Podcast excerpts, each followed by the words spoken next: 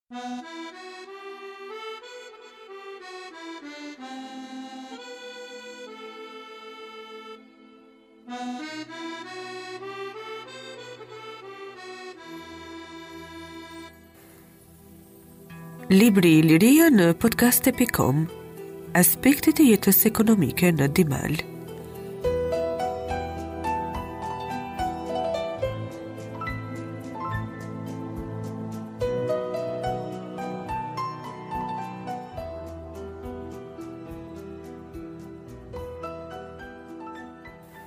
Dimali, identifikuar para disa vjetësh me mbeturinat e kështjellës së Krotinës në rrethin e Beratit, Në bazë të një materiali të pasur epigrafik, na paraqitet me një veprimtari prodhuese ekonomike që dallon midis qyteteve të tjera të Ilirisë së Jugut.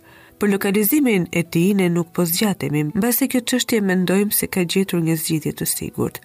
Gërmime disavjeçare të bëra në këtë qytet kanë dhënë midis të tjerave një material të bollshëm qeramik në bazë të të cilit jepet mundësia të njihemi me një tjetër aspekt të rëndësishëm të veprimtarisë ekonomike me prodhimin zejtar të qeramikës. Kjo përbën edhe temën e këtij artikulli.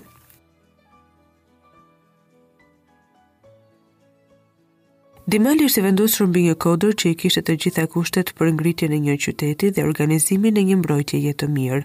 Ai shtrihej mbi një sipërfaqe rreth 20 hektarë Pjesa më e lartë e qytetit, Akropoli, ka formën e një kurore të ngritur në dyzet metra lartësi nga pjesët e ulëta të kodrës. Kodra e qytetit shquhet për pozitën zotëruese të saj mbi krejt zonën përreth. Në afërsi të qytetit kalonte arteria kryesore që lidhte Apolloninë me Dasaretinë e Maqedoninë. Megjithatë, një rol vendimtar në zgjedhjen e kodrës për vendbanim ka luajtur jo aq ana strategjike sesa kushtet gjeografike ekonomike. Lënda arkeologjike e zbuluar në Dimal ka ngjashmëri me atë të përftuar në qytete të tjera ilire, gjë që ndihmon për të sqaruar dhe saktësuar më mirë disa nga çështjet që kanë të bëjnë me kronologjinë e jetës qytetare. Nga një studim paraprak i materialit rezulton se jeta në Dimal ka kaluar nëpër disa etapa kryesore – Ne do të përqendrohemi kryesisht në periudhën para pushtimit romak që ka të bëjë me lindjen e jetës qytetare në Dimal. Etapa e parë lidhet me ekzistencën e një vendbanimi paraurban të periudhës së parë të hekurit ose diçka më përpara, vendin e të cilit e zë shumë më vonë Akropoli i qytetit, Materiali arkeologjik që përcakton të vetmin horizont banimi të kësaj qendre paraqytetare u ndesh në një sipërfaqe tepër të kufizuar. Veglat e punës prej guri dhe disa fragmente të qeramikës ilire me parete të trasha, një buzë dhe një vegje ene prej brumi të zi me llustër të dobët, një enë gati e plotë me trup në trajtë trungu koni, me grykë të gjërë dhe buzë të drejta, e pajisur me dy lloje vegjesh vetullore e një formë llape. Janë sot për sot të vetmet gjetje që disponojmë të cilat të vërtetojnë ekzistencën e këtij vendbanimi paraurban. Shfaqja në Dimal e qeramikës korintike, krahas asaj ilire, lejon të mendohet për praninë e prodhimit lokale dhe si pasojë të shkëmbimeve me kolonitë e Adriatikut, sigurimi i produkteve të tepërta, si pasojë e zhvillimit të forcave prodhuese dhe nevoja e një tregu të brendshëm, detyrimisht ka shpënë në krijimin e një vargu Qendrash ekonomike në Iliri si në Dimal, Zgërdhesh të Krujës, Lisus. Mbi këtë bazë të përcaktuar nga zhvillimi i brendshëm ekonomik lindi edhe u zhvillua qyteti ilir i Dimalit. Në etapën e dytë, fundi i shekullit të katërt, mesi i shekullit të tretë para erës sonë shfaqet dhe lulëzon kultura e re e një shoqërie të përparuar ilire me tipare skllavopronare. Në këtë etapë, Dimali merr fizionominë e plotë të një qendre urbane të ngritur mbi bazën e një ekonomie relativisht të zhvilluar mallrash, të garantuar nga tregu dhe qarkullimi monetar. Gjurmët e monumenteve si muri rrethues, portiku, me nishe dhe kompleksi i ndërtimeve në Akropol që lidhen me jetën e mirëfilltë qytetare, dëshmojnë për një koncept të qartë urbanistik – Këto ndërtime të dala nga duart e mjeshtërve të Dimalit u bënë të mundshme sepse edhe zhvillimi i shoqërisë ilire kishte arritur në atë shkallë që u përgjigjej më së miri nevojave dhe kërkesave të një shoqërie skllavopronare. Si përfundim, mënyra e prodhimit skllavopronar ka qenë një fenomen zotërues në jetën e Dimalit, i cili në këtë etapë duhet të ketë qenë i integruar në shtetin ilir.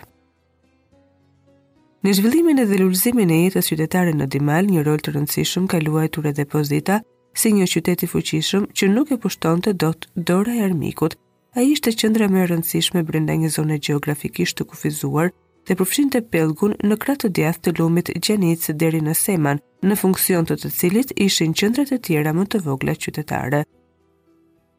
Për karakterin prodhues në përgjithësi dhe atë zejtar në veçanti në fazën e parë të jetës qytetare, dëshmon lënda arkeologjike veçanërisht materiali qeramik.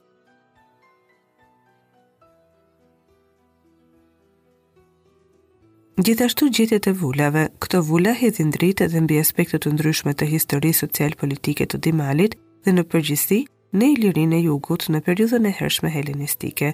Ngritja e punishteve shtetërore dhe siglimi i prodhimeve me emrin e qytetit ose të bashkisë së Dimalit tregon për një farë pavarësie që gëzonte Dimali. Në mënyrë të tërthortë, kjo vërtetohet edhe më vonë nga marrëveshja e Filipit me Hanibalin, ku Dimali trajtohet me të njëjtin seriozitet që u kushtohet edhe qendrave më të përmendura të bregdetit Jon dhe Adriatik.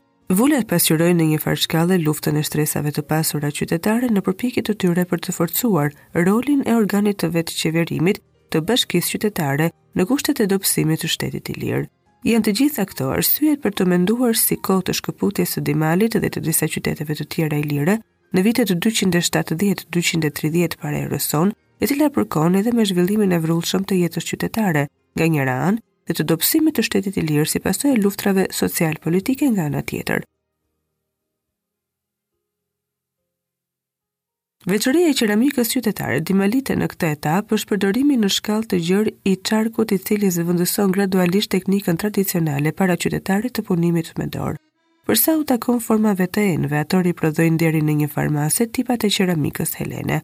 Një fenomen i tillë që përsëritet edhe në aspekte të tjera të jetës qytetare, është i kuptueshëm po të kemi parasysh se kultura qytetare ilire u zhvillua në lidhje dhe në marrëdhënie të ngushtë me kulturën helene të metropoleve në brigjet tona adriatike.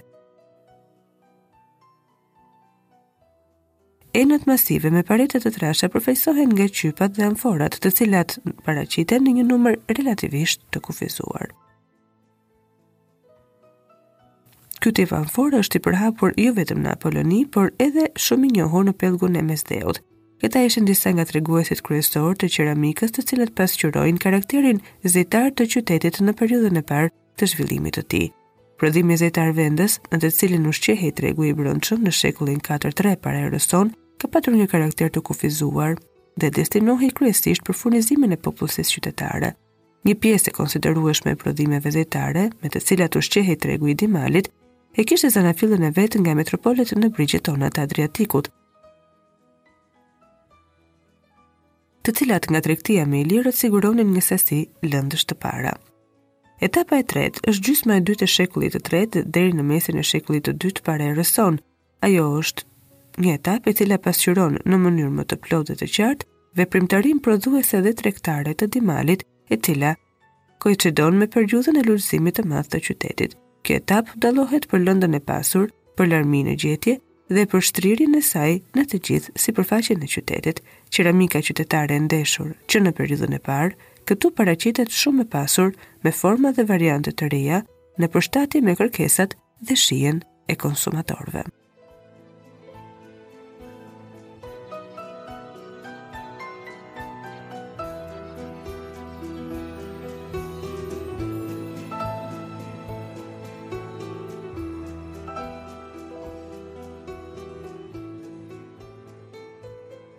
Libri Liria në podkast pikë com Aspektet e jetës ekonomike në Dimal.